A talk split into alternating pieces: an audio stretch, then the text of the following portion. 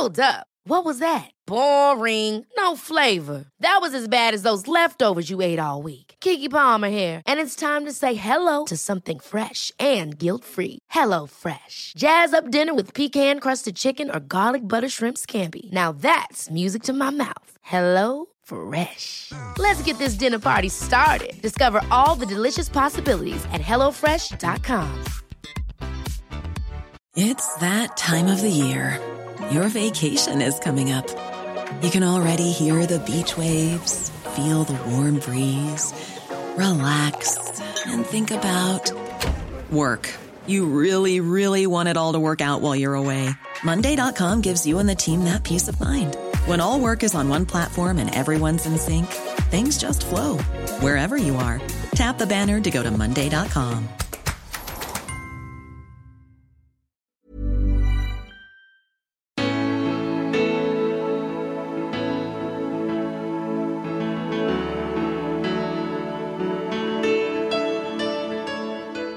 Och, och när man kommer till liksom den forskningen man har försökt göra på köttets klimatpåverkan så har man försökt applicera en komplicerad lösning, ett kom- ett komplicerat ingenjörssystem på en komplex varelse.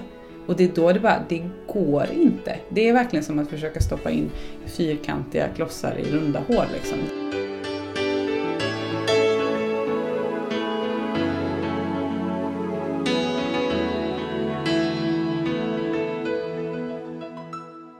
Märta Jansdotter blev endast 24 år gammal VD för Gröna Gårdar. Hon menar att i dagens industriella jordbruk står inte bönderna för sina kostnader.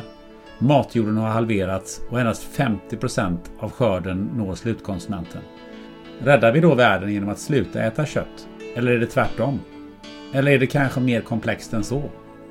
I det här avsnittet kastar vi oss rakt in i diskussionen kring hållbarhet, fisande kor och om naturen verkligen kan liknas vid en industriell process.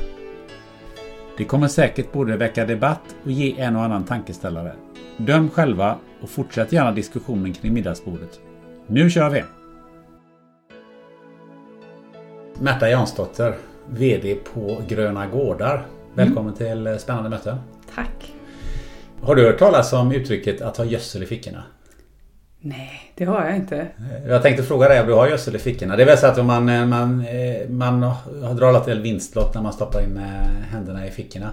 Sådär. Eller matjord i fickorna brukar man säga också. Jaha, så man har, det är som cash liksom? Ja, det, det går bra för Ja, dem. det- ja. ja, ja. Jaha, nej, aldrig hört talas om. Nej. Men om du tänker det, du är ändå VD för ett bolag som Gröna Gårdar. Det är väl ändå rätt så... Det har ändå gått rätt bra för dig. Ja, det har det. Det har varit en tuff resa måste jag säga hittills. Men nu börjar det kännas som att det släpper så det är väldigt skönt. När började du på, som VD på Gröna Gårdar? Det var officiellt var det nog januari, februari 2011 men jag började jobba heltid 2010 efter jag hade slutat plugga. Får man fråga hur gammal var 2011? Då var jag, vad var jag, 24 var jag. 25 hade jag fyllt precis. Hyfsat ungt för att vara VD. Ja, det var, det var lite ungt. I det här avsnittet så ska vi ju faktiskt prata en hel dag- en del om matjord och gödsel. Så det var därav inledningen i eh, frågeställningen här. Och vi ska prata om dig och det företaget du leder och så ska vi prata lite tänkte jag om köttresan. Köttets väg eh, från bonden till, eh, till tallriken. Och vi ska prata lite jordbruk förstås och ekosystem och eh, även ha ett litet nedslag i eh, debatten kött, eh, miljö och hälsa. Mm. Vad tror du om det? Ja, Det blir skitkul. Det blir skitbra va? Jag tänkte börja med dig.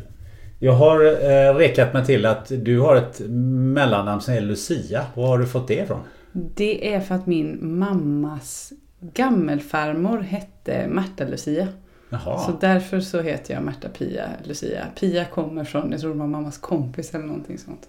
det är lite det- ovanligt eh, i Sverige att heta Lucia va? Ja, Jag tror att det finns 440 personer eller någonting sånt sist gången jag kollade som gör det. Och det är få, få som heter det. Var det någon fördel när du gick i skolan? I december? Mm, nej, jag har aldrig fått vara Lucia faktiskt. Men det är för att det var, man var tvungen att vara blond tyvärr. Tror jag Ja. var den kvalificerande Det- saken. Det var på den tiden. Ja, det var på den tiden. Men eh, berätta lite. Var du är född och uppvuxen var? I, I Bokenäs i mitten av Bohuslän. Mhm. Jag satt ute på landet. Pappa har en eh, gård. Eh, då hade vi inte lika mycket djur som vi hade eh, som, vi har nu. Eh, men så att jag är uppvuxen eh, på en bondgård. Hur är det? Det är ju så svårt att jämföra med något annat eftersom det är det enda jag vet. Men jag inser ju att det är ju faktiskt eh, jättemycket fördelar och en helt annan frihet än vad det är om man är uppvuxen på ett annat sätt. Men jag är ju van vid att vi hade hela liksom, naturen och, och gården som lekplats. Det, det finns väldigt mycket liksom och vi Gården ligger precis vid havet så att jag trodde ju att alla hade en privat strand. Eh, jag tänkte, varför ska ni åka till en strand med massa folk på? Det är ju så jätte liksom, och så insåg man att ja, det är ju inte, inget, få förunnat att ha liksom en klippstrand precis vid havet. Ja, det är en lyx. Hade du många kompisar som i skolan och så som också hade eh, vars föräldrar hade bondgårdar?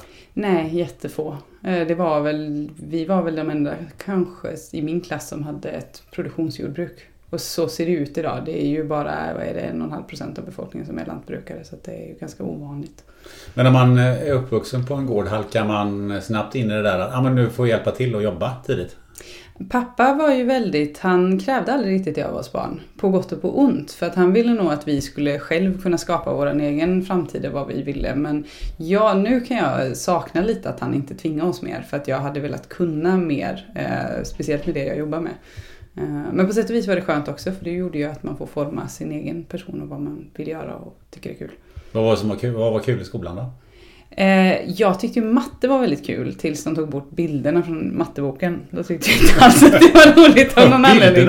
Ja men det var en sån, i sjunde klass så var liksom allting var då typ svartvitt och då, då tyckte jag inte det var kul längre. Men jag tycker matte är jättekul. Eh, och sen tyckte jag att bild och, och de här mer estetiska ämnena också var väldigt roligt. Jag borde tyckt att språk var kul för jag tycker språk är jättekul nu men jag tyckte inte alls det var kul med språk i skolan. Jag läste någonstans att eh, du eh, redan eh, på den tiden drack kravodlad mjölk.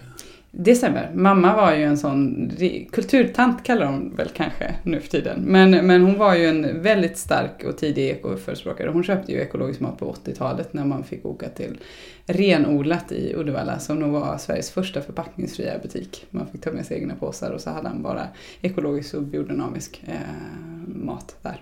Men tog ni mjölken då från gården eller? Ja, när jag, var, jag är uppvuxen på opastöriserad mjölk från en mjölkko. Vi hade en fjällko. Eh, och sen så köpte vi från grannens mjölktank väldigt länge. Man åkte liksom 20 kilos eh, rostfri tank och så tog man hem det. Och sen, jag tror först på runt, jag tror han la ner sin mjölkproduktion när jag var 10 år eller någonting sånt. Och då fick vi börja köpa mjölk i stan. Men då köpte vi ekologisk mjölk. Men det är opast opastöriserad mjölk. Eh, kan man, mår man inte dåligt av det?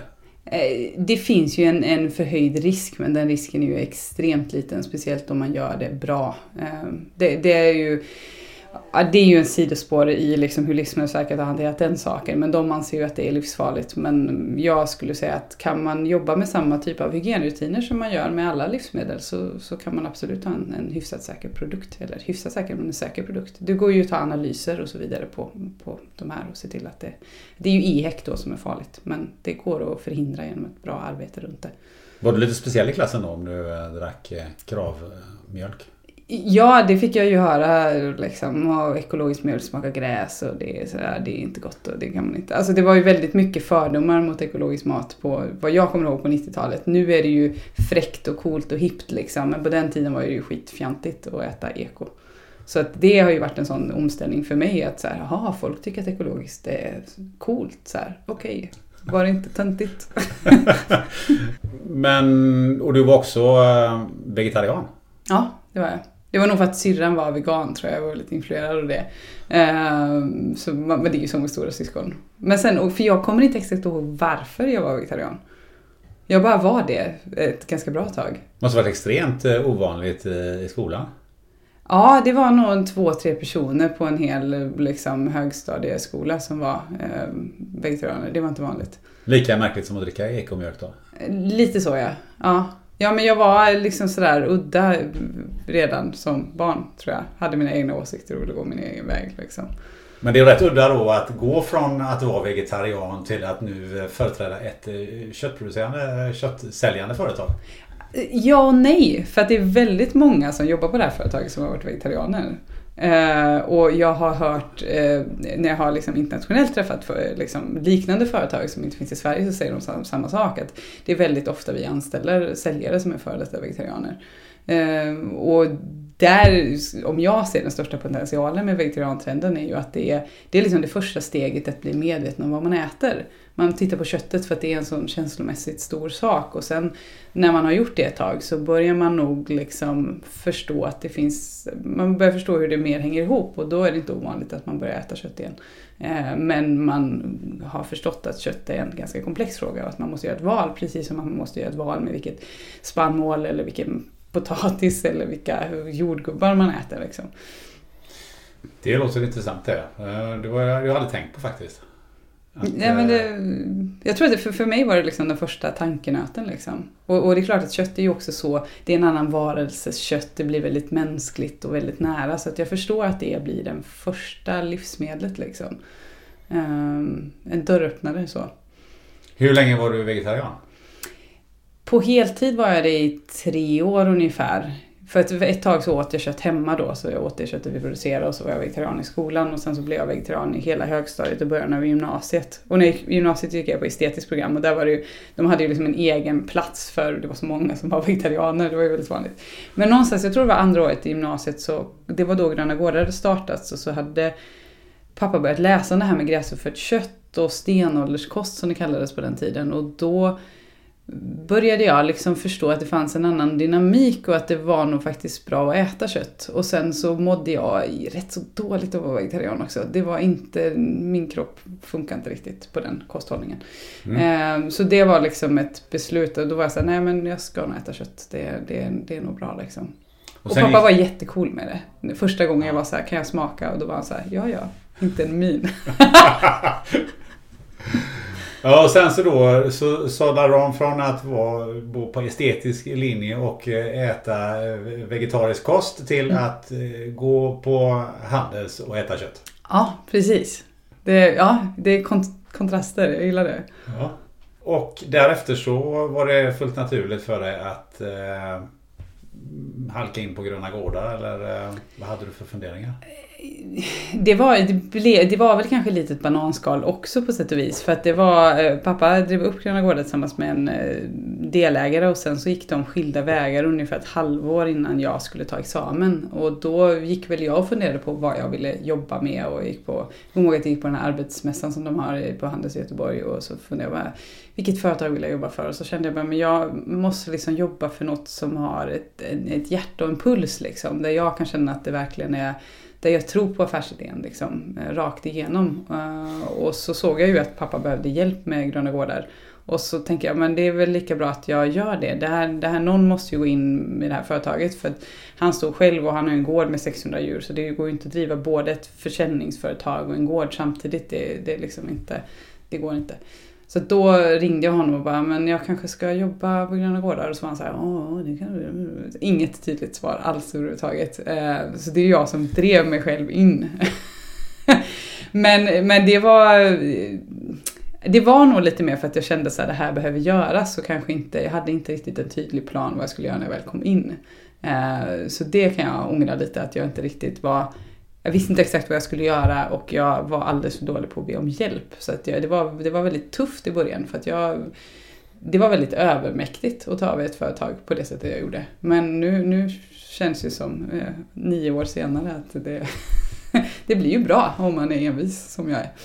Men var det inte också lite så att eh, när du klev in där att du skulle visa att det här fixar jag utan, eh, utan farsans hjälp? För blir det inte lite där att eh, man går in och tar över pappas bolag? Eh, det blir lite speciellt. Nej, men jag var nog aldrig riktigt så faktiskt. För att jag kände nog också så himla mycket, speciellt eh, mot alla medarbetare, att jag inte ville få honom att framstå i dålig dager. För att det är väldigt känsligt kan jag tycka. Att, så att jag var nog väldigt arg och trött och frustrerad på honom för att han inte gav mig den hjälpen och coachingen och mentorskapet som jag behövde som företagare. Och jag jobbade väldigt, väldigt hårt och väldigt mycket liksom. Men jag kände nog också att jag inte ville liksom gnälla på honom för någon annan och inte heller vara så här, nu ska jag överbevisa. För att om han är svag gentemot eh, de som jobbar i företaget, då är ju också jag svag på något sätt. Eh, så att det där, nej, det hade jag nog aldrig riktigt på det på det planet. Det ja, kanske nej. hade varit bättre, jag vet inte.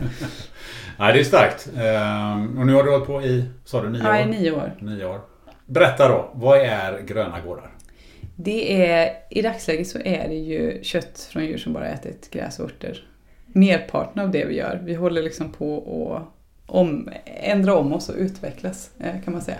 Men idag så köper vi gräsbetekött, nöt och lammkött från 40 gårdar runt om i Västsverige och det säljer vi till Storkök och restaurang är ju en kund, ungefär 50 procent av omsättningen och sen så har vi en hel del butiker, framförallt ICA-butiker men även som Paradiset i Stockholm och lite Coop-butiker.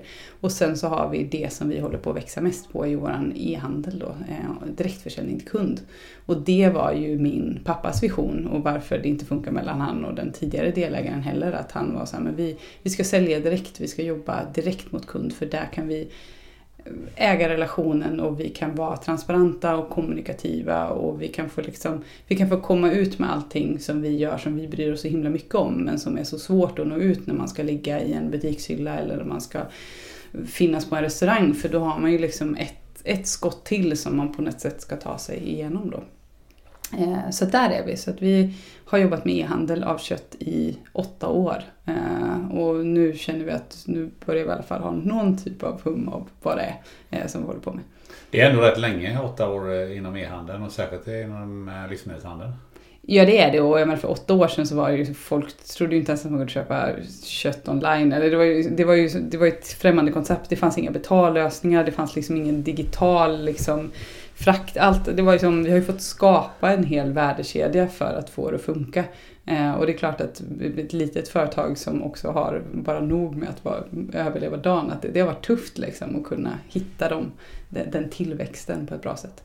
Hur stor andel är e-handeln idag utav er totala omsättning? Ungefär 30 procent. 30 procent? Ja. Och vad tror du att det kommer att vara om två år? Eh, ja, 70 procent, 60-70 procent kanske. Oj, det är sen, rätt mycket. Ja, det, men det är ju där vi har, nu har vi våra tillväxtmål i år att vi ska öka med 50 procent och det, det tror jag vi klarar. Hur är det med, med kommuner och restauranger och så vidare? Är de duktiga på att köpa ekologiskt kött? Kommuner är ju fantastiskt duktiga. De förtjänar ju otroligt mycket cred. Det är ju det här ekomålet 20% 2020 som man satte för 15 år sedan. Och det har ju verkligen slipprat in i offentligheten. Sen tror jag att jag har en otroligt mycket positivare bild kanske än andra delar av landet för att vi befinner oss i Västra Götalandsregionen och de har haft en tydlig livsmedelsstrategi väldigt länge och allokerat resurser till massa typer av olika projekt och, och att lära kommuner att kunna upphandla på ett sätt så att de får tag i lokala varor. Så jag tror att vi, vi, har, liksom, vi har haft väldigt tur eh, där. Restauranger är ju jättedåliga på att handla ekologiskt kött. Verkligen jättedåliga. Det finns få kockar som är otroligt duktiga men generellt sett är den branschen jättedålig om jag ska vara ärlig. Varför är det så? Eh, jag tror att det är, det är en väldigt prispressad bransch. Eh, det, är en väldigt tuff bransch på väldigt mycket olika sätt och, man försöker hitta liksom genvägar där det går. Och, och ekoköttet är fortfarande så pass liten volym ehm, så att man kanske inte lyckas jobba med de flödena och den leveranssäkerheten och kanske alla gånger den, den kvaliteten som krävs. Men framförallt också priset. Att det, det är ju en väldigt liten nisch av de här krogarna som är liksom super, liksom stjärnkrogarna, men de vill nästan ha någonting annat. Där är inte krav eller ekologiskt så stort mervärde, utan då är, där är ju liksom storyn på ett annat sätt och, då, och där är det ju inte heller de stora volymerna som du ibland behöver för att hitta lönsamhet. För när man går in på en vanlig lunchkrog och äter en eh, vanlig, eh, ska vi säga, Wallenbergare eller någonting sånt där så är det inget ekokött där inte? Nej, det, man vet ju sällan var det köttet kommer ifrån. Men det, det är ju betalningsvilja liksom. Vill du betala 70-80 kronor för en lunch, nej, men vad ska du göra då liksom? Eh, när det är utifrån hur världen ser ut idag dyrare att producera kött på det sättet vi gör. Det, det blir tufft. Vilken eh, funktion eh, fyller ni så att säga i eh, livsmedelsindustrin tycker du? Vilken, vilken plats har ni? Jag hoppas att vi är det här lilla irriterande gruskornet i maskineriet liksom, som skapar lite friktion. Eh, nej men jag har ju träffat eh, alltså de som är liksom de, de, stora jättarna i Sverige, som, alltså de större slakterierna och, och i alla fall, det känns som att de är väldigt positiva till det vi gör. Det har de till och med, en av dem själv sagt att ni, ni är skitduktiga liksom. Det är jättebra det ni gör för att vi flyttar positionerna framåt eh, på ett sätt som de kanske inte alltid kan. Och det har jag all respekt för. Och det känns väldigt kul att höra det att okej okay, men ni tycker faktiskt att det vi gör är bra liksom. Mm. Någonting som jag har funderat på, jag tror att väldigt många konsumenter funderar på, det är ju alla de här beteckningarna. Alltså man har krav och så har man ekologiskt kött och så har man mm. kött från gräsbetande och så har man kött från lite gräsbetande och så har man kött från närproducerat som har varit gräsbetande som då säljs i gröna tråg på ICA. Mm. Alltså blir det inte en ganska stor eh, förvirring i det här? Jo, absolut. Alltså mat är ju väldigt förvirrande och sen har du allt det här febofieringen. Liksom. Vad är det för? Att, ja, men att det är så att det är naturligt eller att det är nära eller så är det inte så nära och naturligt. Men du, eller du har någon liksom, grafisk design som får förpackningen att se ut som den är lokal och nära och sen är det tysk köttråvara eller någonting sånt. Alltså, det, det, liksom, det finns ju så otroligt många lager av förvirring. Jag, jag håller helt med dig och det är ju någonting som vi har en jätteutmaning med att vi, vi har ju liksom, vi gör ju så otroligt mycket mer saker än vad vi alla gånger ens kan berätta för att det blir nästan förvirrande om vi ska berätta om allting som vi gör och som vi bryr oss om. Och det, det är, svårt att nå ut till kunden. Och jag fattar det för det är så mycket information som man ska sålla. Och sen så är det som, de flesta människor är inte lantbrukare och har ingen lantbrukarbakgrund och känner inga bönder så där blir det ju ännu svårare. Ja, men hur ska man, ska man orka sätta sig och läsa Kravs regelhandbok då eh, för att förstå? Jag fattar att man inte gör det. Men då kanske du kan ge oss en kort version i vad innebär krav och varför ska man köpa kravkött? Ah, bra fråga. Eh, krav innebär, om man ska prata om nötkött, eh, det är ju att du har ett beteskrav så att alla djur som är kravmärkta har garanterat gått ut och betat, eh, i, beroende på vart de finns i landet, lite olika länge. Eh, svenskt kött är ingen garanti för bete, det kommer få lite fan för att jag säger det, men det är så att om man till exempel har ungdjursuppfödning, vilket är vanligt i Sverige, så är de undantagna beteskravet. Så att köper man kravmärkt kött eller EU-ekologiskt eh, nötkött då, eh, och lammkött så är det garanterat bete. Det är det inte om det är svenskt. Eh, men det är väldigt vanligt ändå att svenskt kött betar, ska man säga. Eh, sen är det ju så att de får giftfritt foder. Eh, alla kravdjur måste, dels så måste väldigt mycket av djurfodret eh, de äter vara producerat på den egna gården och sen så måste det vara odlat giftfritt då, så du får inte använda konstgödsel och du får inte använda kemiska bekämpningsmedel i produktionen, vilket gör att du inte förorenar vattnet och det är en bättre arbetsmiljö för bonden och, och du har inte kemikalierna i naturen och sånt där. Så det är väl de, de liksom stora eh, grejerna, sen finns det lite andra regler runt djurvälfärd. Tar man gris då, där det kan bli ännu mer förvirrande, så är det att kravgrisen eh, måste få vara ute och beta. Eh, Medan den EU-ekologiska grisen måste inte vara ute och beta, men den måste vara ute. Så den måste ha tillgång till utevistelse. Det är väl den stora skillnaden mellan dem då. Eh, och att de har mycket mer yta att röra på sig och den igen att fodret måste vara producerat giftfritt och att det måste eh, vara en, det finns ett krav på hur mycket som man får importera till gården. Och det är ju för det här kretsloppstänket som finns i det ekologiska jordbruket att du ska liksom inte kunna köpa 100% av djurens foder någon annanstans ifrån och så gödslas det på någon annanstans ifrån och så tar du det till gården, det är ju näring och så använder du den näringen på gården för det blir ett brutet kretslopp. Eh, kycklingen är ju samma sak. Ekologisk kyckling och kravkyckling måste vara ute eh, och ha tillgång till utevistelse medan eh, konventionell kyckling då, eller som inte är märkt, den är, den är ju bara inomhus hela livet. Ekologisk kyckling måste också vara minst 70 dagar när den slaktas så att de lever längre då. Så det, det är väl den, den stora stora skillnaden. För nu använder du eh, tre stycken begrepp om jag har rätt. Det ena är, är då krav, det andra är något EU-ekologiskt eh, yes. och sen är det ekologiskt. Om jag säger så här, men det här är ekologiskt kött. Eh, då är inte det skydd, ett skyddat begrepp eh, så som krav är? Eller hur är det med den saken? Du får bara använda ekologiskt om det är certifierat ekologiskt. Men man har två ekocertifieringar i Sverige. Det ena är EUs ekocertifiering och sen så är det krav. Och krav har strängare krav än EU-ekologiskt. Ehm, så att jag kanske använder det lite slarvigt. Säger man ekologiskt så är det i alla fall, då kan det vara kravcertifierat. Men ska vi vara tydliga så är kravcertifiering det strängaste regelverket. Sen kommer EU-ekologiskt och sen är det då svenskt där vi har ett antal lagar och regler i Sverige hur man får bedriva djurproduktion.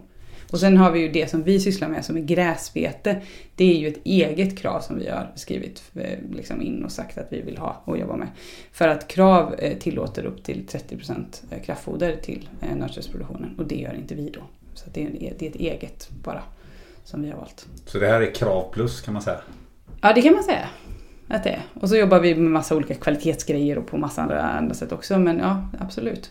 Men ekologiskt, man får inte lov att säga att kött är ekologiskt producerat om det inte samtidigt är gjort under de här antingen EU ekologiskt eller krav. Precis. För ibland känns det som att ekologiskt är någonting man slänger sig med. Och krav är liksom, ja men det är exakt det här. Ja, jo, men så, så är det. Folk använder nog ekologiskt lite slarvigt och jag vet att man träffar kanske bönder och producenter som inte är certifierade och så säger de ja men det är typ ekologiskt. Och då är det så här, men man är inte typ gravid. Antingen så har man gått igenom en certifiering eller så har man inte det. Sen kan man ha åsikter om certifiering eller inte. Men, eh, sen har man det här med naturbeteskött också eh, som finns. Och tar man det här naturkött från Brasilien, det är ingen certifiering, det är bara någon som har hittat på det varumärket. Men certifierat naturbeteskött i Sverige när det finns en logo på, liksom, att det är certifierat av Sigill då, som gör det. Då är det ju att de ska beta ett viss mängd av deras bete på naturbetesmarker då, som är klassade som naturbetesmarker. Och då, då har man ju en, en garant för att man gynnar den biologiska mångfalden. Vad är naturbetesmark? Det är mark, åh det här borde jag kunna jättebra, men det är mark som man har hävdat med bete under en väldigt lång tid och som har en, en viss eh, artrikedom. Eh, då. Eh, och uppfyller väl ofta, tror jag, Jordbruksverkets krav på särskilda värden. Att det finns spe- speciella arter och sånt där i de här markerna som man bara kan bevara med betande djur. Använder man antibiotika i eh, Eh, krav eller ekokött? Man får använda det om djuret är sjukt. Och sen så har man i, inom krav ändå en dubbel karenstid så att du har ett högre krav på karens innan djuret får skickas till slakt eller att du får ta mjölken från det djuret igen då. Eh, så att vi har stränga liksom regler vad gällande antibiotikaanvändningen i Sverige och sen så har krav då lagt en dubbel eh, karens på det. Och sen så måste du också jobba förebyggande med om du är certifierad. Men ursäkta, en, dum fråga kanske. Om djuret är sjukt? Ja, Mm. Men du äter ju inte antibiotika om du inte är sjuk. Eller vad menar du? Nej, det är ju, till exempel så att det finns antibiotikum som ges i fodret till, eh, till fåglar eh, som ges i princip i preventivt sy- syfte. Det, är inte, det finns i Sverige men framförallt är vanligare i, i Europa. I, du gruppbehandlar till exempel grisar, det här får man inte göra i Sverige men i resten av Europa så om en gris är sjuk i en, i en box så behandlar du alla grisar till exempel. Eh, men så får man inte göra i Sverige utan här måste det finnas en konstaterad sjukdom då eh, för att man ska behandla dem. Så att, ja, men det är helt korrekt, man tycker det, men nej. En annan fråga är vad, vad äter djuren? Eh, på sommaren kan jag tänka mig att de äter gräs som du säger ute. Men vad äter de på vintern då? De äter ensilage eh, eller hö, men ensilage är det absolut vanligaste. Och det är ju en form av konserverat gräs. På sommaren så slår du det här och sen så låter du det torka till en lagom torkhalt och sen så stoppar du såna här alienägg eller plastbalar eller i silos. Det finns lite olika sätt att hantera det. Men så att man konserverar sommarens gräs på ett så bra sätt som man bara kan och så, så fodrar man det vintertid. Men Sen hur har- konserveras det i eh, de här eh, vita bollarna? För det är ju liksom man stoppar in gräset där och vad händer sen då? Det är som surkål liksom. Eh, fast du vill inte ha för mycket surkålseffekt för då äter du upp för mycket socker i gräset och det vill du inte. Utan det, blir liksom i den miljön där du gör en luftfri miljö då så, så, så konserveras gräset. Så att det, det funkar alldeles utmärkt. Inom ekologisk produktion får man inte tillsätta någonting men jag har för mig att man i konventionell pro- produktion ibland tillsätter vissa medel men det här kan ju vara lite dåligt. Men eh, kossorna, hur, eh, hur länge går de ut och betar? Eh, kravet som finns på, i vår region säger ju att det ska vara minst tre månaders sammanhängande betesperiod men det är ju ofta väldigt längre, mycket längre. Man släpper ut dem någon gång i april, maj och så tar man in dem någon gång i slutet av augusti eller ända in till november. Det är ju så i Sverige att det är förbjudet att ha eh, nötkreatur utomhus om de inte har tillgång till ligghall eh, under den kalla perioden, vilket är någonstans oklart oktober, november, december. Vilket gör att det är många bönder som tar in djuren eh, utan att kanske egentligen alla gånger behöva det för att man är rädd för att få på sig anmälningar. Men det är inte för att det egentligen är bra för djuren utan det är för att man är rädd för byråkratin som kan komma med den. Vilket jag tycker är synd för att ha, ha djuren ute och det vi håller på att kolla på med vinterbete, att kunna ha dem betandes mycket, mycket längre genom att spara gräset på, på rot istället för att stoppa i de här ensilagebalarna. Det är ju så att det är ju väldigt mycket mindre energikrävande. Man behöver inte ha en traktor som slår fodret, man behöver inte göra det till de här stora balarna som det går åt massa diesel att göra. Man behöver inte köra de här balarna till stallet, man behöver inte utfodra djuren med dem, man måste inte ta djurens gödsel från dem och sen så lägga det i ett gödselstad och sen så köra tillbaka det till fältet där de hämtade fodret. Utan kon kan göra det där liksom på, på plats. Liksom. Och det är ett otroligt mycket smartare system. Det är så naturen har skapat det. Men vi har ju skapat massa teknologi runt det här. Så att jag är väldigt, vi är väldigt inne på, på hemma på gården liksom, att utöka betet mycket, mycket längre och på det sättet kunna minska fossila, eller användningen av fossila bränslen och behovet av maskiner. Är det dyrare då att eh, ha eh, en bondgård där man har eh, djur som, är, eller som går på Alltså som är kravmärkta helt enkelt. Eh, och varför är det det? I dagsläget så är det ju så. Eftersom vi idag har ett livsmedelssystem där man inte behöver betala för den förorening man gör och om man väljer att utnyttja naturresurser på ett, på ett ändligt sätt, liksom, att bedriva gruvdrift. Om du odlar sönder mullhalten i dina matjordar eller minskar den biologiska mångfalden eller förorenar vattnet idag som lantbrukare så måste du inte betala för det. Utan det, det tar samhället de kostnaderna, vilket jag tycker är helt absurt. Eh, och grejen med det ekologiska jordbruket, inte alltid men om jag ska generalisera, så bygger man i mycket större utsträckning ekosystemskapital. Och det kostar ju förstås. Eh, för att man eh, ja, men man har mer gräsbevuxen mark, eh, man jobbar med växtföljd och man, för, för att slippa använda de här kemikalierna då. Och det, det, det, tar längre tid och det kostar mer pengar som det ser ut idag. Men det handlar som sagt att man, man investerar ju i naturen istället för att ta ur den. Och, så det, det, är mer en fråga om hur vi har byggt upp vårt politiska och ekologiska, eh, ekonomiska system egentligen. Eh, sen är det ju så att ekologiska djur lever längre eh, generellt sett för att de äter ett foder som man, man får inte ge dem lika mycket kraftfoder och man kan inte föda upp dem lika snabbt. Och idag är den, den längre uppfödningen kostar mer pengar som det ser ut idag. Men det vi håller på att titta på att kunna ha dem eh, mer på bete och utnyttja fotosyntesen och naturen på ett smartare sätt så tror jag att man skulle kunna hitta en mer kostnadseffektiv produktion. Men vi vet inte riktigt det än. Ehm, det känns ju som att det skulle behövas en del eh, politiska beslut eh, för att eh, ha ett klimatsmartare sätt att hantera djur på. Absolut. Det ska jag säga. Och, bara det här om man tar antibiotikaresistens. Eh, där har vi kommit väldigt långt i Sverige och det är ju anledningen till varför svenskt kött är dyrare än danskt kött eller andra europeiska länder. Det är ju för att vi har högre krav på djurskydd vilket gör att djuren inte blir sjuka i lika stor utsträckning och man behöver inte använda antibiotika. Men det kostar pengar. Men å andra sidan så gör det ju att vi skapar inte lika mycket multiresistenta bakterier som kostar pengar i andra änden i samhället. Så att i slutändan så kostar det ju ändå, det är ju bara det att man inte lägger de här kostnaderna på rätt ställe. Så det, det, är där vi kräver, krävs ett politiskt ledarskap för det kan ju inte vi som enskilda företagare göra så mycket åt. Om vi, om vi leker med tanken att eh, imorgon så börjar alla människor som köper kött, de köper bara kravkött. Mm. Hur skulle det påverka världen? Eh, ja, det skulle bli väldigt svårt, för det skulle vara en väldigt allvarlig bristsituation som uppstod. Eh, och sen skulle det bli väldigt problematiskt vad vi skulle göra med hela de här produktionerna som fanns och de djuren, så vi skulle behöva äta ja, men vi bortser från det. Ja, vi bortser från den grejen. Eh, nej, men det, det som troligtvis skulle hända på... Det är ju en bra fråga, för skulle man också ställa kravet att det skulle liksom vara, vara, behandla djuren, eller djuren och naturen på ett bra sätt så hade det ju antagligen, det som hade skett är att vi hade börjat hävda mycket mer betesmark. Eh, och hävda mer, mer mark som idag har vuxit igen och är improduktiv både i Sverige och i stora delar av världen.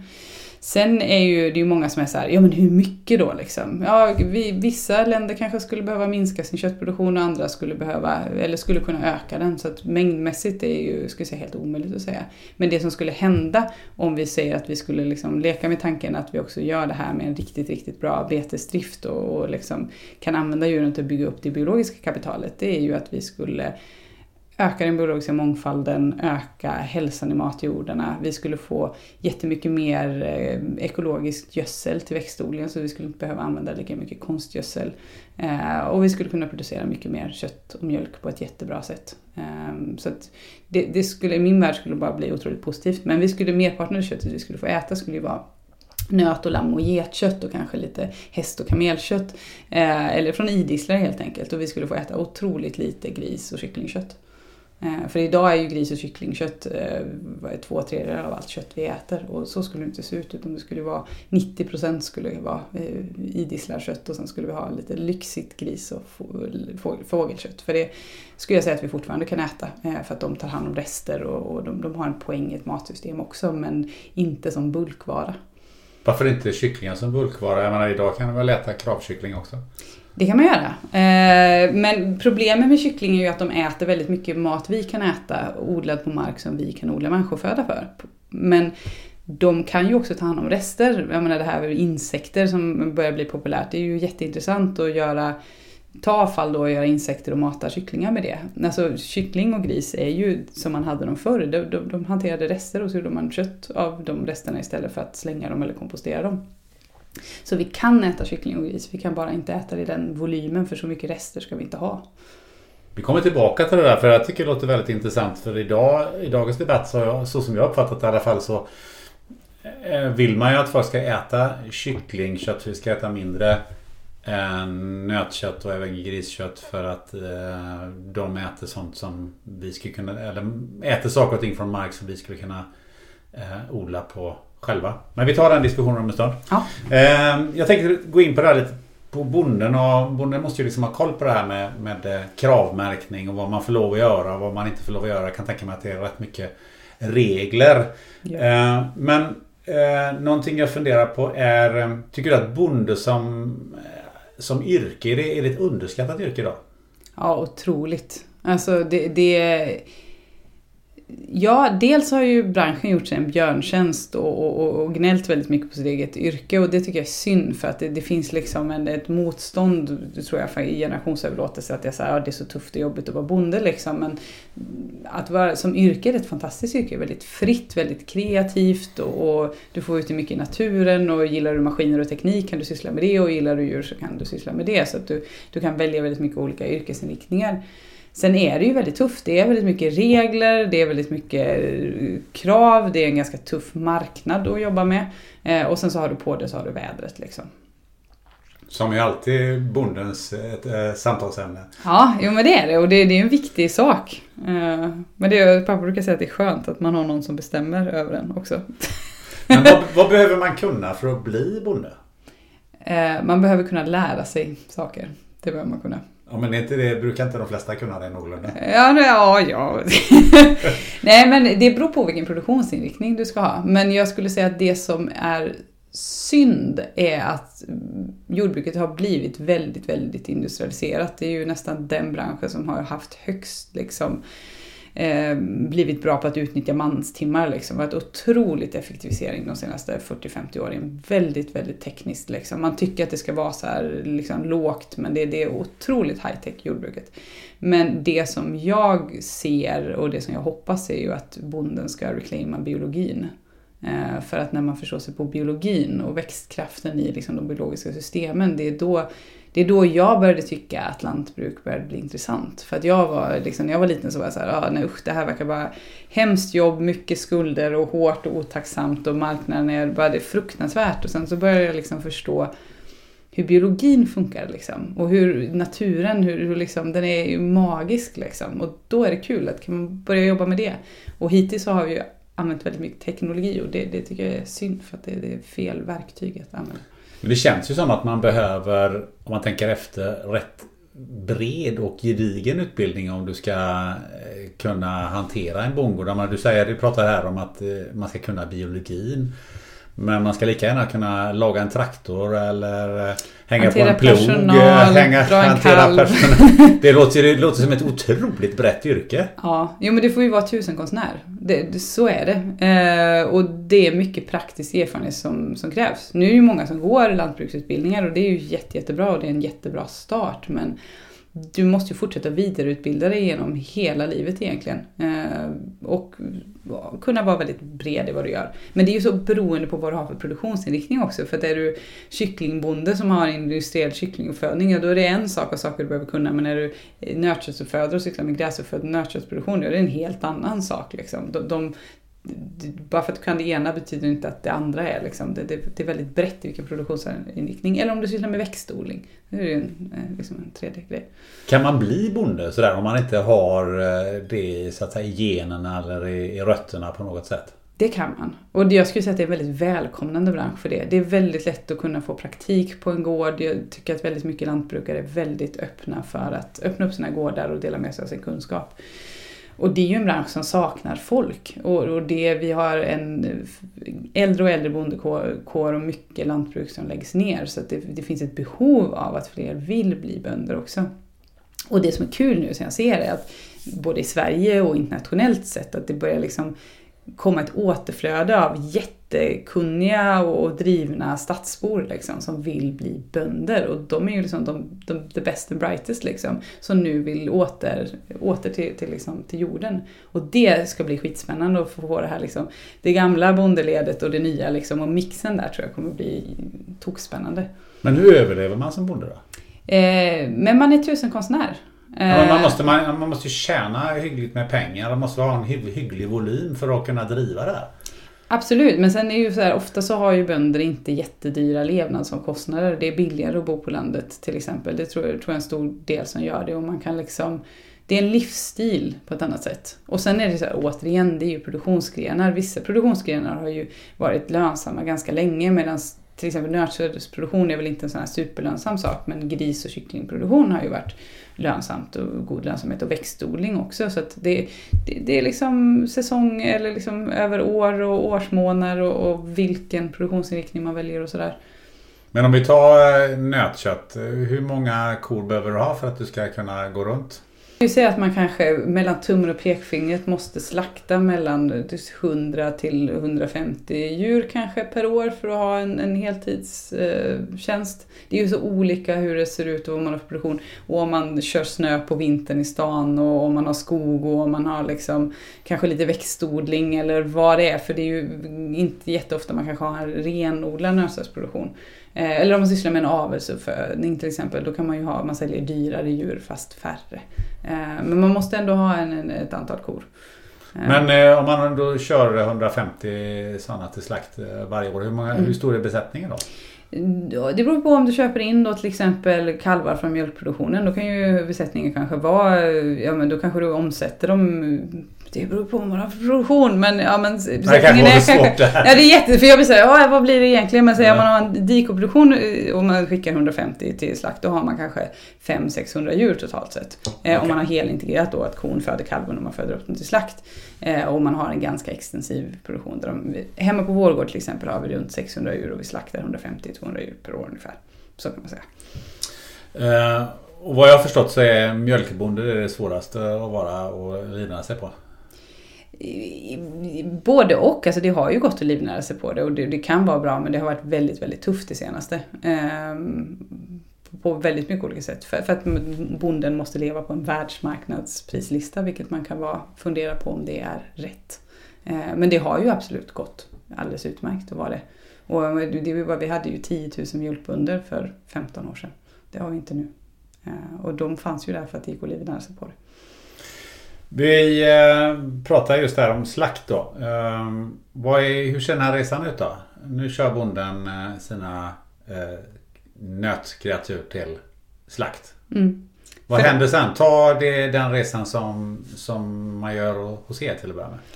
Eh, hos oss så har vi ju en person som jobbar med tillförseln så att han har ju en dialog med uppfödarna för att se till att djuren är slaktmogna. Eh, för det är ju en sak att säga att ja, men jag tror jag har tio djur till slakt i januari men ska ju, de ska ju också vara färdiga, lagom feta och lagom stora och ha, ha vad vi tror är en bra köttkvalitet. Hur gamla är de då ungefär?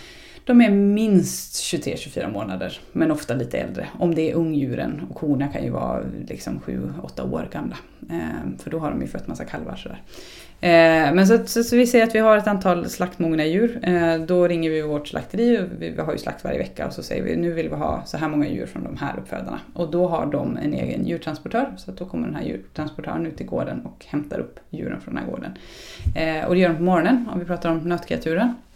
Och sen så körs de in till slakt och sen så får de eh, lastas av och så får de stå och lugna ner sig lite eh, i en box. Och då, då, då, går de ju i grupper från det att de har kommit. Så man blandar liksom inte ett djur från två olika gårdar för då blir det kaos. Utan de får gå liksom separerat i boxar vart de, vilka gårdar de kommer ifrån då för att de inte ska att de ska hålla sig lugna liksom. Det är jätteviktigt. Och sen när det är liksom, när de är inspekterade med veterinär, för det sker, alla djur levande besiktigas av en veterinär från Livsmedelsverket för att säkerställa att de är friska och, och kan slaktas liksom. Eh, för de får inte vara dräktiga eller sjuka eller halta eller lytta eller sådär till exempel. Då, då godkänner man inte det. Eh, och sen så drivs de lugnt och sakligt fram till en bedövningsbox. Och i bedövningsboxen så är det ju en och en då. Den, den, djuret bakom ser ju inte djuret framför där utan de, det stängs ner liksom. Eh, och så fixerar man djurets huvud och sen så skjuter man det i pannan med en tryckluftspistol eller en bultpistol. Eh, och det här gör ju djuret hjärndött. Och då kollar slaktaren genom att öppna ögat på djuret för att se till att det verkligen är bedövat och medvetslöst. För här måste det ju vara helt liksom, väck. Och när man har säkerställt det, antingen så skjuter man igen om det inte har blivit det, eller så är det bedövat så, så då liksom öppnas det sidan på den här boxen och så kommer djuret att trilla ner liksom i en gång och där är det en person som tar och, eh, en, en kätting i ena bakhasen av djuret och hänger upp det och sen så sticker den i halsen eh, och öppnar upp halspulsådern. Och då blöder djuret ut på eh, ja, under en minut.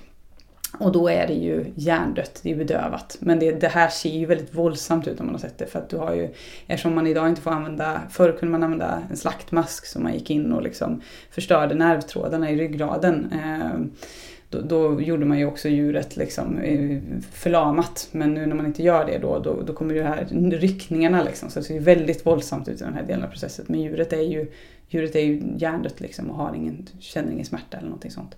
Och sen blöder det ut och så får det liksom, Eh, då är djuret dött, dött.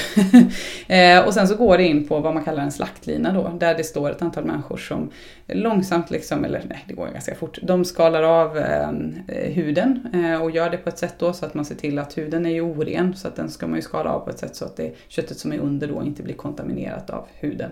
Och sen så huden tar man ju hand om, den blir ju ofta bilklädsel eller någonting sånt, den har ju ett värde, ett ganska stort värde. Och sen så liksom eh, tar man ut organen, de inspekteras också av en veterinär, man parterar slaktkroppen och en veterinär inspekterar eh, slaktkroppen och tittar så att den är slaktad på ett bra sätt. Och sen så stämplar de den och godkänner den då och säger att det här eh, ser bra ut och det här, är liksom, det här får bli humanföda. Och sen så tittar även en, en klassare på djuret och så säger den hur stora muskler det här djuret hade och vilken fettansättning, för det får bonden en viss del av betalningen baserat på det då. Och sen så kyls djuret ner och hängs och sen så levereras det in till oss då där vi styckar och packar det. Men hur eh, påverkar slakten kvaliteten på köttet? Ja, det, ja, och det är ju det som är, där är ju don't fuck it up liksom. Ehm, se till att slakten går lugnt och metodiskt till och att den sker på ett hygieniskt och bra sätt så att du får en slaktkropp där djuret har varit, inte blivit stressat. Ehm, man elmörar också, det glömde jag att beskriva. Man låter lite svagström gå genom eh, slaktkroppen när djuret är dött vilket gör att man äter upp lite av den resterande mjölksyran som finns kvar i musklerna vilket gör att mörningen sätter igång snabbare. Ehm, och vilket gör att köttet då blir mörare och bättre helt enkelt. Men, men har man gjort alla de här sakerna rätt, lugnt och metodiskt, slakt elmörat och sen så kylt ner det lagom snabbt och se till att det är en ren slaktkropp. Då, är det ju, då, då har man ju gett det så bra förutsättningar som möjligt. För att själva köttkvaliteten den kommer ju från arbetet på gården. Slaktens jobb är ju bara att se till att inte förstöra det jobbet som bonden har gjort. Vad är det man kan förstöra? Hur smakar kött som eh, där djuret har blivit utsatt för stress exempelvis? Det är liksom en otroligt konstig och skarp, det blir nästan svart liksom. Och, och, och, och en otroligt skarp och konstig lukt liksom. Framförallt i ryggbiff och innanlår av någon anledning för det är det där det sätter sig. Och det, är ju, det går så länge du inte vakuumpackar köttet. Men vakuumpackar du kött som har blivit stressat så är det den här anaeroba, liksom luft, eh, syrefattiga miljön gör att det blir en bakterietillväxt av en viss bakterie som är ofarlig, det är inte farligt. Men det är bara det, det, det, det, det är oätligt liksom. Så det går inte att sälja helt enkelt? Nej, det gör det inte. Det man får göra är om man ska liksom, det är att du ska upptäcka det innan du vakuumpackar det och sen så får du typ göra skärk av det. Det det, det, är det man kan göra av det. Och sen när jag lämnar slakteriet och ni har styckat det, då åker det då eh, ut i handeln eller ni säljer det via e-handeln och, och mm. så vidare. Om man tittar lite grann på på vad, vad man får betalt för köttet, vad bonden får betalt mm. eh, för köttet. Och så säga, vad, är, vad är prisskillnaden mellan, ett, eh, mellan kravkött och, och vanligt kött? I snitt i Sverige idag ungefär 2 kronor kilot mer för ett kravnöt än för ett eh, ett oekologiskt eh, nöt. Så det är väldigt, väldigt lite. Tittar du i handeln så har du kanske 50-100 kronor kilot på kravkött kontra svenskt kött. Eh, det är spännande varför det är så. Eh, 50% av alla kravnöt säljs inte som ekologiska ens en gång i Sverige för att det finns en så pass låg efterfrågan. Och ett, jag tror lite motvilja från både branschen och dagligvaruhandeln att jobba med kravkött. Det var ju en av anledningarna till att Gröna Gårdar startades för 2001. Det var ju för att branschen bara, vad är det för idiot på Södermalm som vill äta ekologiskt kött? Det tänker vi inte syssla med. Men tänker man så fortfarande? Nej, det tror jag inte riktigt, men, men jag tror fortfarande att det, det är lite grann tror jag. Jag tycker att jag har stött på det, man har stött på de här liksom större slakterierna, att, att liksom den, det finns, liksom, sitter lite i väggarna liksom. Att man har kanske inte, man förstår kanske inte riktigt värdet i det liksom, än. Men dagligvaruhandeln måste ju förstå det eftersom man tar bra mycket mer betalt för det. Ja men det gör de. På sätt och vis, men på sätt och vis inte skulle jag säga. Men, men där kommer vi igen till det här att krav, EU ekologiskt, inte krav, olika märkningar, vad är vad. Det är ju liksom, eftersom vi har så dålig koll på produktion så förstår man ju inte alltid vad skillnaden är. Ja, men det kan jag uppleva när jag försöker berätta det jag gör. Så här, ja men vi köper svenskt kött. Ja det är jättebra att ni köper svenskt kött. Men det är ganska stor skillnad på det vi gör och svenskt kött. Men det är så svårt att förklara om du inte sätter med egna ögon. Hur många procent eh, lägger man på från det att man köper köttet från eh, ett slakteri tills att eh, det säljs ute till slutkonsumenten? Vad är, vad är påslaget i dagvaruhandeln? Det är skitbra fråga. Jag vet att kött är, det beror på vilka butiker. Om vi ska prata svenskt kött, det tycker jag är lättare. Och nötkött så har vi avgränsat oss. Så ska jag säga att det är inte ett jättehögt eh, påslag. Jag tror att det är någonstans mellan 10 och 30 procent kanske. Alltså det är ingen superhög marginalprodukt vi pratar om. Och det är inte så att det är Nej, det är det inte. Sen är det ju en volymprodukt och det är det som räddar hela branschen. Men tittar du på lönsamheten i de stora slakterierna i Sverige, det är ju under 3% i vinstmarginal. Det är ju liksom ingen... Kött och charkbranschen, om man tittar på alla livsmedelsföretag så har du kött och charkbranschen längst ner i lönsamhet. Det är en väldigt pressad bransch, eh, tyvärr, och har varit det väldigt länge. Finns det någon som tjänar pengar i det här ledet? Ja, de som fuskar. Eh, skulle jag säga. Nej, de ärliga tjänar också pengar, men, men de som fuskar tjänar nog mer pengar. Eh, så är det tyvärr. Vad är vanligt fusk? Ja, vi hade ju det här jättestora köttfusket på, på Gotland med ett slakteri som hade sålde ekologiskt kött som inte var ekologiskt. Det var ju extremt allvarligt. Eh, men sen är det ju mycket märka om och gammalt kött och liksom sånt där. Men jag skulle säga svenskt kött har jag väldigt hög förtroende för. Eh, för att jag tycker att vi är duktiga. Jag tycker att de slakterierna som är stora i Sverige är seriösa. Och, och alltså, sen finns det ju alltid säkert något rökt ägg men det har kommit lite nya aktörer. Det var ju det här gotländska slakteriet. Det var, det, det var ju bara bluff och båg liksom. Men jag litar ju inte på importkött för fem öre. För det kan ju vara högt och lågt liksom. Jag har ingen aning vad det är. Det var ju en jättestor skandal i Brasilien nu att de har sålt massa ruttet kött liksom. och det förvånar mig inte. Man, jag tänker på att eh, eh, man pratar ju om att vi har ökat vår köttkonsumtion ganska kraftigt mm. i, i västvärlden och ja, men även i Sverige. Då. Mm, är det på en för hög nivå? Om ni tittar lite grann utifrån så här. Vad, vad är problemet? Alltså, problemet är ju återigen att vi har en ohållbar livsmedelsproduktion. Eh, att vi utnyttjar naturresurser på ett sätt som att de vore oändliga när de, de skulle kunna vara oändliga men vi, vi, vi behandlar dem på ett sätt så att de blir ändliga. Och det är inte okej. Okay. I Mongoliet så äter man ungefär 200 kilo kött per person och år. Så är det rimligt? Nej men det är för att det är kött de kan producera där. Sverige till exempel, speciellt om man åker upp i norra Sverige, ja, vi kan odla gräs och av gräs kan vi göra kött och mjölk. Eh, så att jag skulle säga att i Sverige skulle vi kunna äta ganska mycket nöt och lamm och getkött. Eh, för att vi har de förutsättningarna här medan i andra länder har man inte de förutsättningarna eller de markerna för att producera kött till exempel. Ehm, så att jag skulle säga att det, det, är så svårt att säga hur mycket som är relevant men det viktigaste skulle jag säga är att det köttet man äter tar hand om det platsen det är producerat på ett bra sätt och att det skapar ett liksom, mer vitalt biologiskt kapital. Och då tycker jag då kan man äta hur mycket som helst. Uh, för att det vi behöver nu är ju en omställning till en riktigt bra, en, vad, vad jag tycker då ett regenerativt jordbrukssystem där vi skapar mer biologiska resurser genom maten vi äter. Och den tycker jag man får äta hur mycket som helst av för vi måste ha mer av den maten. Men kan man då säga med ledning av det att kött egentligen är för billigt? Jag vet inte, eller så är det för dyrt. Jag har ingen aning egentligen. Jag skulle bara säga att det köttet som orsakar problem och kostnader för samhället står inte sina kostnader och det tycker inte jag är okej. Och då är det ju för billigt. Ja, och då är det för billigt. Ja, för, för de slipper betala det. Så det kan jag säga att visst kött tycker jag är absolut för billigt. Men jag kan nog tycka kanske att det sättet ja, jag vet inte. Desto mer samhällsnytta man gör, det ska man ju få betalt för.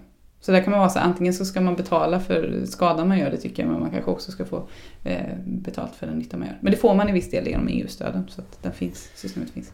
Vi har varit inne på lite grann det här då, det som korna då faktiskt eh, betar och det som är, jag tänkte prata lite grann om det som är under det som de betar, det vill säga mm. matjorden. Mm. Eh, som ju eh, du har bland annat eh, hållit ett TEDx-föredrag om. Ja. Som jag har eh, lyssnat på, som jag tycker att lyssnarna kan ska, ska spana in.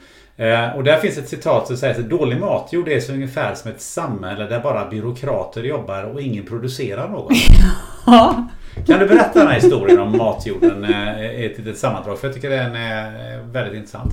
Ja, alltså det mest intressanta är ju så att jag kan ju så otroligt lite om det här. När man, när man börjar lära sig om matjord så inser man att man vet ingenting. Liksom. Men, men jag har ju insett att jag kanske vet mer än kanske många andra så jag kan dela med mig av det lilla jag har. Men grunden i matjorden är ju fotosyntesen. Eh, och det är om man tar till exempel i en beteshage så är det ju gräset. Och man får ju läsa i skolan att fotosyntes det är ju att gräset använder sina blad för att fånga solenergi och kol i atmosfären och så bygger det sin planta av det. Men det är bara halva historien. Den andra halvan är ju att det här kolet som gräset tar pumpar ner i rotsystemet och sen så byter det här kolet, eh, kolhydrater, med mikrolivet i jorden. Och mikrolivet i jorden ger plantan immunförsvar, det ger den liksom, eh, eh näringsämnen och liksom, det är en massa olika processer som händer där i rotsystemet som är helt beroende av att gräset idkar sin fotosyntes. Och det här mikrolivet som har i jorden när det fungerar bra, det är ju liksom, det är miljarder olika livsformer på bara liksom en näve jord. Det är en otrolig mångfald. Och, och fungerar tillsammans på ett sätt som jag, menar, jag har träffat framstående jordforskare och så frågar jag så här, men de här mikroberna, vad gör de? Så här, vi vet inte. Vi, vi har inte ens namn på alla av dem. Vi, har ing, vi vet verkligen inte. Och så är man så här, jaha, så vi har liksom, det här är ju jättespännande liksom. Vi har, vi har massa livsformer, vi har ingen aning om vad de gör, men vi vet att de spelar roll på ett annat sätt. Och om man då till exempel som man gör i industrijordbruket, att man plöjer väldigt mycket, man använder konstgödsel och kemiska bekämpningsmedel, så det är väldigt tärande för det här livet. Eh, och det som händer är att du stimulerar bara en viss del av det här livet då, byråkraterna. Ehm, och då kan du få det att växa väldigt bra. Men du får inte den näringen i plantan, du får inte den kolinbindningen i marken och du får liksom ett dysfunktionellt system. Men du kan hålla upp det med hjälp av teknologi. Ehm, det är bara att ta en sån här exempel liksom med många som är väldigt starka GMO-förespråkare och jag ska inte gå in på GMO, vad är det? Ja, genmodifierade liksom, grödor då. Och så säger man att det är jättebra för då kan man skapa torkresistenta grödor och man kan skapa grödor som är liksom resistenta mot pesticider eller ehm, Eh, Eh, bekämpningsmedel eller växtskyddsmedel då och det är jättebra, man kan optimera och mer näring i plantorna och det är så himla bra, det är framtiden liksom. Och GMO är intressant, alltså det är väl intressant att titta på gener och vad man kan göra liksom. Men någonstans är det så här skadedjursresistenta grödor och minskat problem med ogräs och, och högre näringsämnen i det, det svaret ligger ju i matjorden. Och om du har en frisk och rik matjord så har du torkresistenta grödor som inte får skadedjur och du har inte problem med ogräs för att du har skött din jord på ett sådant sätt så att den mår bra och inte behöver ha massa ogräs. Och så ska man applicera då GMO som en teknologi på ett biologiskt problem. För att, för att när jorden inte funkar så är det biologi man ska applicera och förstå, okej okay, hur kan jag behandla jorden på ett sätt så att den mår bra istället. Um, så att, och det är där jag så här, jag, jag vill att bonden ska bli biolog och förstå det här för när man jobbar med naturen och det är det man till exempel kan göra med betande djur då så kan man stimulera den här biologi, biologin och man kan stimulera gräsets fotosyntes och kolinlagring och alla de här grejerna och det, det, det är då det blir liksom det blir så himla coolt att syssla med jordbruk. För du har sagt att du måste mata matjorden annars kommer inte matjorden att mata oss. Ja precis. Eh, för någonstans så, så vad jag förstår så försvinner det matjord. Ja, ungefär 1-2% per år gör vi av med, med det sättet vi odlar. Vi bygger ju också matjord och, och sådär, men framförallt hur vi odlar eh, som leder till en enorm erosion. Eh, och sen har vi ju också ställen som hela, liksom, man tar syd, södra USA, det har varit några gånger, liksom, att man har en så pass dålig betesdrift och en så pass dålig markskötsel att den här jorden också bara liksom blåser bort för det finns inget organiskt material som kan hålla kvar den. Ehm, och matjorden är ju, vad är det, 95 eller 98 procent av allting vi äter kommer från matjorden. Så att, att det är en, en resurs som blir mindre och mindre är ett jätteallvarligt problem. Vart försvinner den då? I havet, i luften. Hi, I'm Daniel, founder of Pretty Litter. Cats and cat owners deserve better than any old-fashioned litter. That's why I teamed up with scientists and veterinarians to create Pretty Litter. Its innovative crystal formula has superior odor control and weighs up to 80% less than clay litter. Pretty Litter even monitors health by changing colors to help detect early signs of potential illness. It's the world's smartest kitty litter. Go to prettylitter.com and use code ACAST for 20% off your first order and a free cat toy. Terms and conditions apply. See site for details. Ever catch yourself eating the same flavorless dinner three days in a row? Dreaming of something better? Well, HelloFresh is your guilt free dream come true, baby. It's me, Gigi Palmer. Let's wake up those taste buds with hot, juicy pecan crusted chicken or garlic butter shrimp scampi. Mm. Hello Fresh. Stop dreaming of all the delicious possibilities and dig in at HelloFresh.com. Let's get this dinner party started. Hey, it's Ryan Reynolds, and I'm here with Keith, co star of my upcoming film, If, only in theaters, May 17th. Do you want to tell people the big news? All right, I'll do it. Sign up now and you'll get unlimited for $15 a month in six months of Paramount Plus Essential Plan on us. Mintmobile.com slash switch. Upfront payment of $45 equivalent to $15 per month. Unlimited over 40 gigabytes per month. Face lower speeds. Videos at 480p. Active Mint customers by 531.24 get six months of Paramount Plus Essential Plan. Auto renews after six months. Offer ends May 31st, 2024. Separate Paramount Plus registration required. Terms and conditions apply if rated PG. Det är ju så, ja, där bort.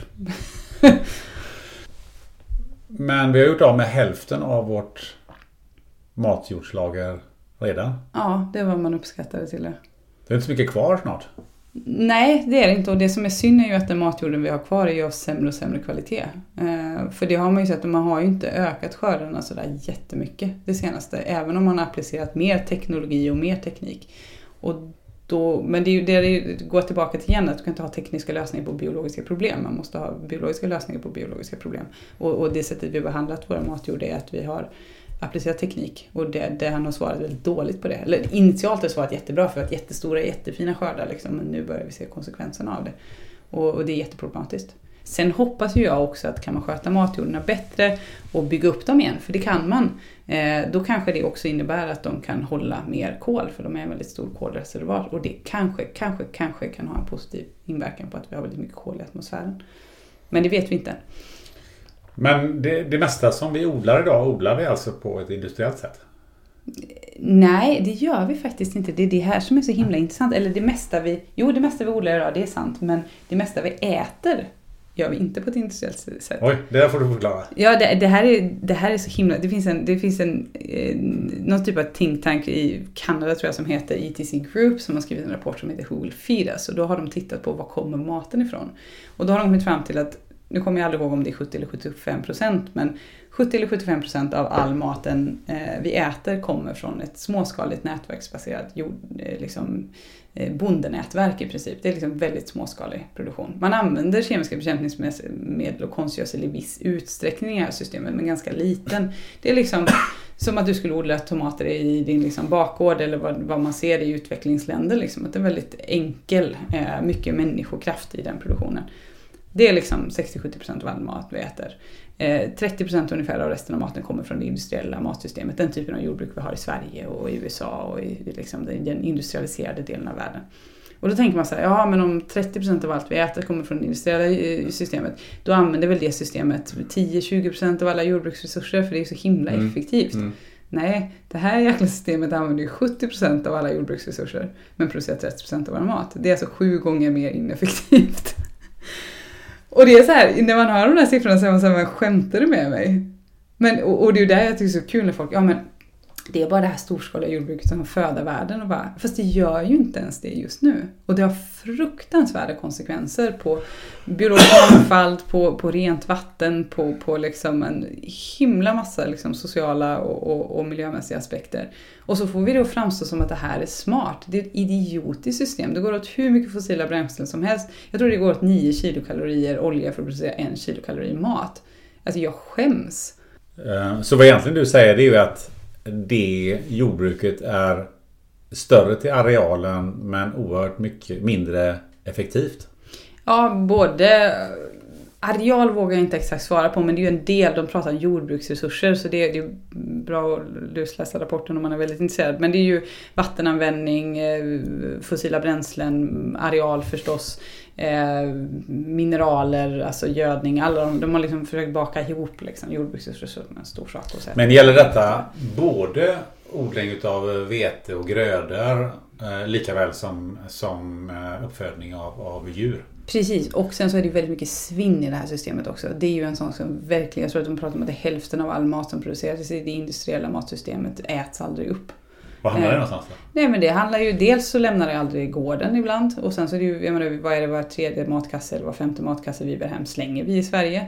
Vi har ju jättemycket svinn i konsumentled, vi har svinn i butiker, vi har svinn i förädlingsled och vi har svinn på gårdsledet liksom. Så att även om vi tycker att vi har jättestora jättefina skördar så det spelar ingen roll att vi skördar x ton vete per hektar om vi, den veten ändå inte når slutkonsument. Och sen så har vi ju det här att vi ger, vi föder upp djur på ett sätt där de äter väldigt mycket människoföda, vilket är ganska ett stort resursslöseri. Medan i det här småskaliga bondenätverket så äter djur i mycket högre utsträckning eh, saker vi inte kan äta och de betar och hävdar mark som vi inte kan använda till odling. Och man använder deras gödsel och dragkraft och eh, kapital som djur är på, på, ett, liksom, på ett väldigt smart sätt. Och sen så svinnar man otroligt mycket mindre för att man tar hand om saker och ting. För du sa ju så att en kor är en matjordsmaskin. Hur går det till? Ja men de, de tar ju gräs och sen så pluppar ut på andra ändan så är det halvfärdigt, eh, halvfärdig jord. Och sen så ser de ju till att lösgöra en hel del av kolatomerna i gräset genom metanet de rapar ut. Och det här gör ju att det finns metan eller kolatomer för gräset att binda tillbaka eh, i jorden. Så att de, de cirkulerar ju. Kon, kon, är, kon är ju liksom, I naturen så är ju processen av uppbyggnad och, och förruttnelse, det är ju det är samma process. Det är ju ett kretslopp liksom. Någonting ska födas, någonting ska växas upp, någonting ska dö och så ska det förruttnas liksom. Och kon är ju en del i gräsets förruttnelsecykel. För att har du inte kon där, då kommer gräset i ett fuktigt klimat så kommer det ju ruttna sönder men det är en ganska ändå ineffektiv process och tar lång tid. Och ett klimat som är skört och, och är torrt liksom. Där kommer det bara stå där liksom, tills det har oxiderat sönder. Där kräver det verkligen kons fukt och mikrober i våmen för att brytas ner. Eh, så att nedbrytningsperioden för ett gräs i liksom, Zimbabwe som jag har varit i flera år om det inte kommer ett djur och äter upp det och bryter ner det och då går det ju ganska fort. Och du behöver bryta ner gräset för att det ska växa upp igen. Så man kan säga så här att, att eh, när man bedriver jordbruk på det på rätt sätt eller på det sättet så eh, är det egentligen en, en eh, oändlig, ett oändligt kretslopp. Ja det skulle jag säga, det är det jag tycker som är så fantastiskt med naturen. Att när man liksom börjar förstå hur den funkar så är det ju bara, då bara den ger liksom. Så det spelar egentligen ingen roll om det nu är, vegetariska produkter eller eh, animaliska produkter. Så länge du håller dig i kretsloppet eh, så är du hemma. Allt kött är hö. Eh, För det tänkte jag komma in på lite grann på det här med, med eh, köttdebatten. Dels så, så pratar man ju, du har varit inne på det här med eh, den här eh, de fisande korna och den här metangasen som kommer ut. Och ju, om man tittar på lite grann hur det såg ut i Nordamerika eh, innan eh, de vita, den vita mannen kom dit så hade man ungefär 100 miljoner bufflar där. Idag har jag läst till mig att man har 150 miljoner kor, i och för sig rätt mycket mer kor då än vad man hade, man hade på den tiden. Men i, i Sverige så hade man i mitten av 30-talet så hade man 3 miljoner kor och nu har man, har man halverat antalet kor. Ehm, har det blivit något fel i den här, eh, i det här, i det här tänkesättet? Eller, för jag får inte ihop logiken riktigt. Så någonstans måste man ju ha tagit någonting och ryckt ur sitt sammanhang och lagt det någon annanstans. Eller vad är orsaken till att man diskuterar kornas metanutsläpp idag? Jag tycker det är en så bra fråga. Jag önskar att jag verkligen hade ett jättebra svar på det här. Men jag tror att det handlar om att man har man har försökt göra om kon till en industriell process. Och jag tycker att jag, är det någonting som jag just nu kan liksom vara lite, liksom, lite matt av i klimatdebatten är att man har försökt att göra om naturen till en industriell process. Istället för att förstå att det är en biologisk process och att det är en väldigt unik process. Och om man gör om kon till en industriell process, ja då kan jag förstå hur man kommer fram till det här. Och framförallt när vi har, liksom, att titta på det industriella jordbruket som blir väldigt industrialiserat. Eh, men då har man inte förstått dynamiken. För ska man gå ännu längre tillbaka i tiden när man hittar fynd ifrån hur mycket betesdjur det fanns i norra Sverige, liksom, alltså med megafaunan som fanns och liksom olika typer av arter. Jag tror att snittvikten på, på djuren var så här 800 kilo och nu är den så 300-400 kilo. Och så här, vi, vi producerar så enormt mycket protein innan vi människor kom in och störde eh, liksom, och dödade de här megafaunorna och sånt där. Så det är liksom, vi har ju haft en, ett väldigt produktivt ekosystem eh, och, och kunnat producera väldigt mycket animalier. Eh, och sen så har vi rubbat det liksom. Men, men jag, tror, jag tror att det handlar om liksom att du, du ser, man ser kon som ett nettoutsläpp, man förstår inte hur det cirkulerar tillbaka och det är otroligt svårt att mäta kolinlagring i mark också. Och det, det håller jag helt med om. Eh, för att hur ska du kunna mäta bara på ett hektar hur mycket kol som finns i den jorden? Det kommer variera från centimeter till centimeter, det kommer variera i djup. Eh, det är också så att det varierar över dagen eftersom, ko, eller eftersom eh, Gräset idkar ju fotosyntes så fort solen lyser och det är lagom varmt så att gräset kan växa. Liksom. Och det finns fukt förstås. Vilket gör att den hela tiden pumpar ner kol i, i jorden och det här kolet idkar den byteshandel med. Så det varierar, det är ju volatativt liksom. Plus att med den betesdriften vi har där vi trampar ner 30-40% av all biomassa, korna får inte ens äta upp den, så bygger vi ju jorden ovanifrån också. Och sen så bygger ju gräset den underifrån genom att den har en rotmassa som är längre än de 30 cm som man eh, mäter kol med. Eh, så hur ska man någon gång kunna berätta hur mycket kol som finns idag och hur mycket kol som finns om tre år i våra marker? Jag har ingen aning. Det, det, det går inte, det, går, det, kommer aldrig gå att bevisa. Och då försöker man göra tvärsnitt och man försöker förstå sig på det här. Och så kommer man fram till saker och ting som man, man försöker kvantifiera sånt som inte riktigt går att kvantifiera.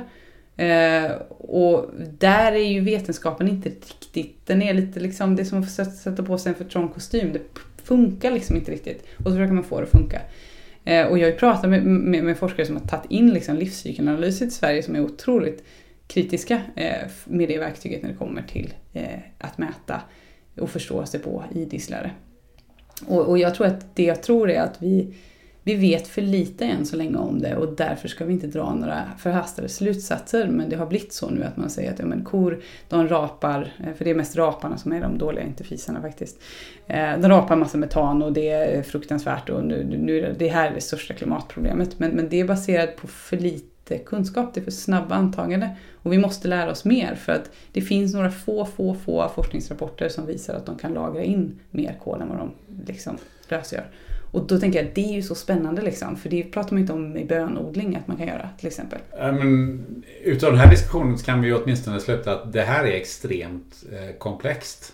Ja. Uh, och eh, upplever du som att vi drar, är lite snabba med att dra slutsatser som vi sen omvandlar i, i någon slags beteende? Eh, ja, jag tycker du sätter fingret på hela klimatdebatten. Eller när det kommer till mat och klimat. Den andra klimatdebatten lägger jag mig inte i. Och du är inne på det här med komplext. Och det är tacksam att du använder det ordet. För att det är liksom... Naturen är ett komplext system. Den är, det är så många olika faktorer som påverkar. Det är så mycket olika sätt att man liksom, bara för att du tar bort en sak eller lägger till en sak så kan du inte riktigt berätta vad det är som kommer hända.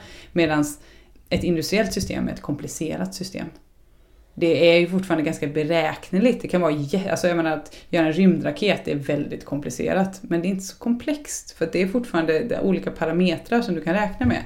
Och, och, när man kommer till liksom den forskningen man har försökt göra på köttets klimatpåverkan så har man försökt applicera en komplicerad lösning, ett, ett komplicerat ingenjörssystem på en komplex varelse.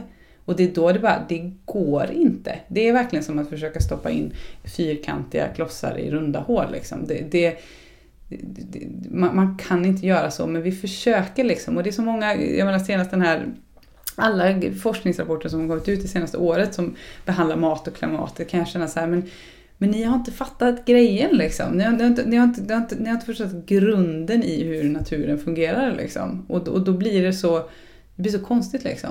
Och då är vi som säger, vi drar förhastade slutsatser av saker och ting vi inte riktigt har fattat än. För någonting som jag funderar på är ju om man vänder på begreppet nu. Man ger dem, om man ger dem lite rätt då. Mm. Och säger så här att ja, men, eh, om vi slutar att, eh, eh att ha boskap. Utan vi, vi livnär oss faktiskt bara på eh, växtbaserad mat. Mm. Vilket ju faktiskt går. Eh, vad, hur, vad, hur skulle det påverka eh, både klimatet och, och eh, växtlighet och, och annat? Eller eh, hur, hur skulle det se ut? Vi pratade just om att bara äta kravkött. Vad skulle det hända om vi, äter bara växtbaserat? Om vi bara skulle... Det som skulle hända i slutändan är ju ändå att vi skulle behöva ha massa djur och det skulle bli ekonomiskt jättebesvärligt att hålla de här djuren för att det är så himla vi kostsamt om man inte äter dem. För att vi kommer inte klara näringsbalansen annars. Vi- Vi kommer inte klara mångfalden som krävs med pollinatörer till exempel. Och sen är det ju så här, ja vi kan ju välja om inte äta nöt och lammkött till exempel men vi, och ha den typen av djur men du har ju fortfarande, du måste ha maskar och insekter och pollinatörer i en, en, en vegetabilisk produktion. Alltså djuren kommer du inte ifrån, mikroberna i marken är också djur. Alltså, det här Men vi de äter du ju inte. Fast du gör ju det på sätt och vis. Eh, Alltså du, för du är ju beroende av dem. Nej, du äter ju inte upp dem fysiskt, men du är ju fortfarande väldigt beroende av att de finns. Alltså du, du Och de beroende... kan bara finnas om vi har djur ovanpå marken menar du? Det är ju lättare i alla fall för djuren ovanpå marken samspelar ju, tror jag, med dem under marken. Det är liksom, för, för att bara syssla med växtodling, så här, naturen funkar ju inte så. Och, det svåra är så här, nu du säger kan du svara på hur det blir så här? Då är det så här igen så här, men det är ju ett komplext system. Det är klart att jag inte kan svara på hur det blir. Det är helt omöjligt att säga. Men det, är kul att, det är kul att spekulera alltid. Men, men för mig är ju liksom idén om att vi skulle ha en, liksom en, bara en vegetabilisk produktion, för mig är det Mordor. Liksom. Det, det är verkligen monokultur. Det är liksom en spannmålsfält, där växer bara spannmål. Liksom. Det, det, det är det första årets successionsordningen. Liksom. Det är ett otroligt känsligt system. Det är bara att titta på nu i, i förra året med torkan.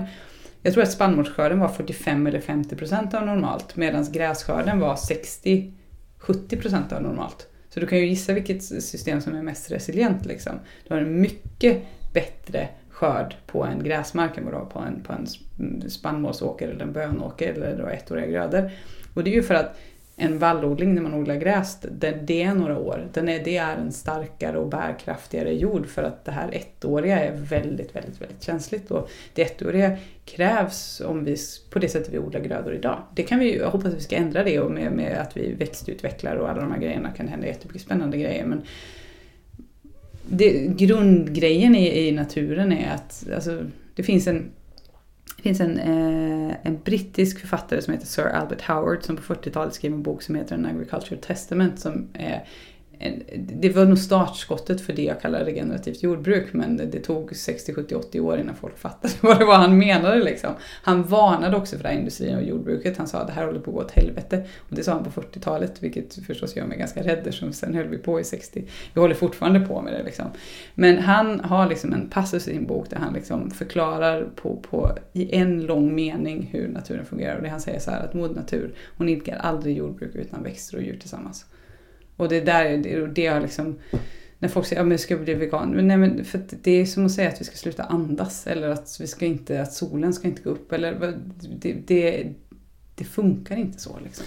Kan man utav det här resonemanget som du och jag har haft nu eh, Kan man säga så här då att Problemet är inte om du äter bara äter grönt eller bara äter kött eller äter för mycket kött eller för lite kött eller för lite grönsaker. Kan man säga så här att problemet är industrialiseringen utav jordbruket oavsett om man nu odlar eh, boskap eller om man odlar eh, eh vegetabiliskt. Ja, kanske om man, eller problemet är om man säger så här.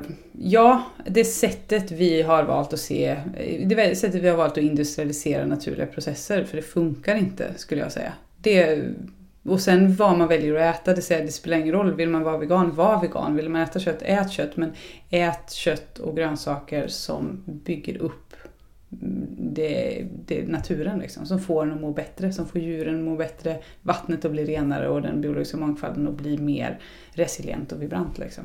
Det, det, det är det enda man ska tänka på.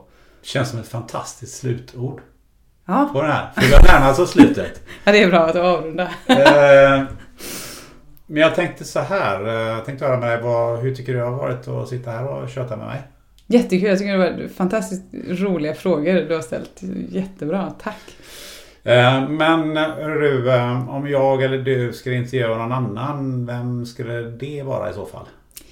Ja, det finns ju två stycken lantbruksjournalister som heter Gunnar Rundgren och Annelien Meivon Bremen eh, som är väldigt kunniga och pålästa och har mycket spännande idéer om framtidens matsystem. Så att antingen en av dem eller bägge två. De bor tillsammans nämligen så att jag vet inte om vilken, vilken av dem som är. Men de är väldigt intressanta och skriver väldigt mycket intressanta inlägg i debatten och jag tycker de ska få en lite större plattform för deras idéer. Ja, spännande. Får se om vi har dem här någon gång framöver. Mm. Eh, till slut så tänkte jag bara kolla om man vill komma i kontakt med dig. Hur gör man då? Då går man in på grönagårdar.se och så scrollar man ner till kontakt så hittar man mig där. Grönagårdar.se tycker jag förresten är en fantastiskt informativ webbsida. Tack. Och man får eh, massa recept och massa sådana här grejer på köttbitar som man inte hade en aning om att de fanns. Än mindre hur man skulle laga dem. Så det tycker jag är, är, är fantastiskt bra och det, det är snyggt och prydligt och, och enkelt. Så att, eh, den kan jag verkligen rekommendera att eh, alla går in på och kolla. Åtminstone. Om man vill följa det på något sätt, eh, sociala medier och sånt, vad finns det då? Eh, då finns jag på Twitter, eh, där twittrar jag, eh, så det är på egen risk. Och sen så har vi vår blogg som är blogg.grönagården.se som uppdateras sporadiskt och ibland när andan faller på. Och sen så bloggar jag, jag har bloggat lite för Svenskt Kött också så där kan man hitta några inlägg. Så det är nog lättast. Eller följa Gröna Gårdar på, på Facebook för det är det mest jag fortfarande som skriver inläggen. Perfekt. Tack så hemskt mycket för att du vill vara med i den här podden. Tack själv. Vad man lägger på tallriken både berör och upprör samtidigt som man inser att lösningen på världens problem inte alltid är så svartvita som de ibland framställs. Jag måste säga att jag fått lite blodad tand att hitta ytterligare vinklar på detta ämne. Så jag kan redan nu lova, fortsättning följer. I nästa avsnitt kommer vi garanterat stanna utomhus. Lyssna på det här. Ja, men kanske, jag tycker den bästa temperaturen att sova i är minus 12. Då, då är det enkelt. Det är liksom du av så mycket grejer på dig och så kylan ansiktet och så har du sovsäcken och min kropp blir elementet. Det blir som en trygghet på något sätt. Jag tycker det är helt underbart. Så det försöker jag ju verkligen prata mycket om. Marcus Torgeby bodde fem år ensam i en kåta i den jämtländska skogen. Nu är han författare, föreläsare och utesovarexpert. Men framförallt så är han livsfilosof. Så häng med på en resa som garanterat inte lämnar dig oberörd. Ät och drick något gött och ta hand om varandra. Hörs om en vecka.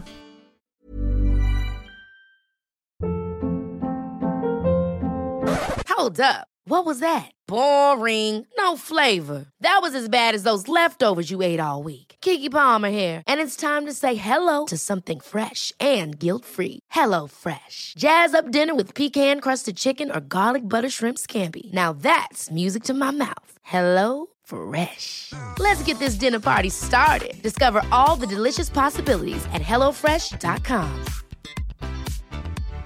Hi, I'm Daniel, founder of Pretty Litter. Cats and cat owners deserve better than any old fashioned litter. That's why I teamed up with scientists and veterinarians to create Pretty Litter. Its innovative crystal formula has superior odor control and weighs up to 80% less than clay litter. Pretty Litter even monitors health by changing colors to help detect early signs of potential illness. It's the world's smartest kitty litter. Go to prettylitter.com and use code ACAST for 20% off your first order and a free cat toy. Terms and conditions apply. See site for details.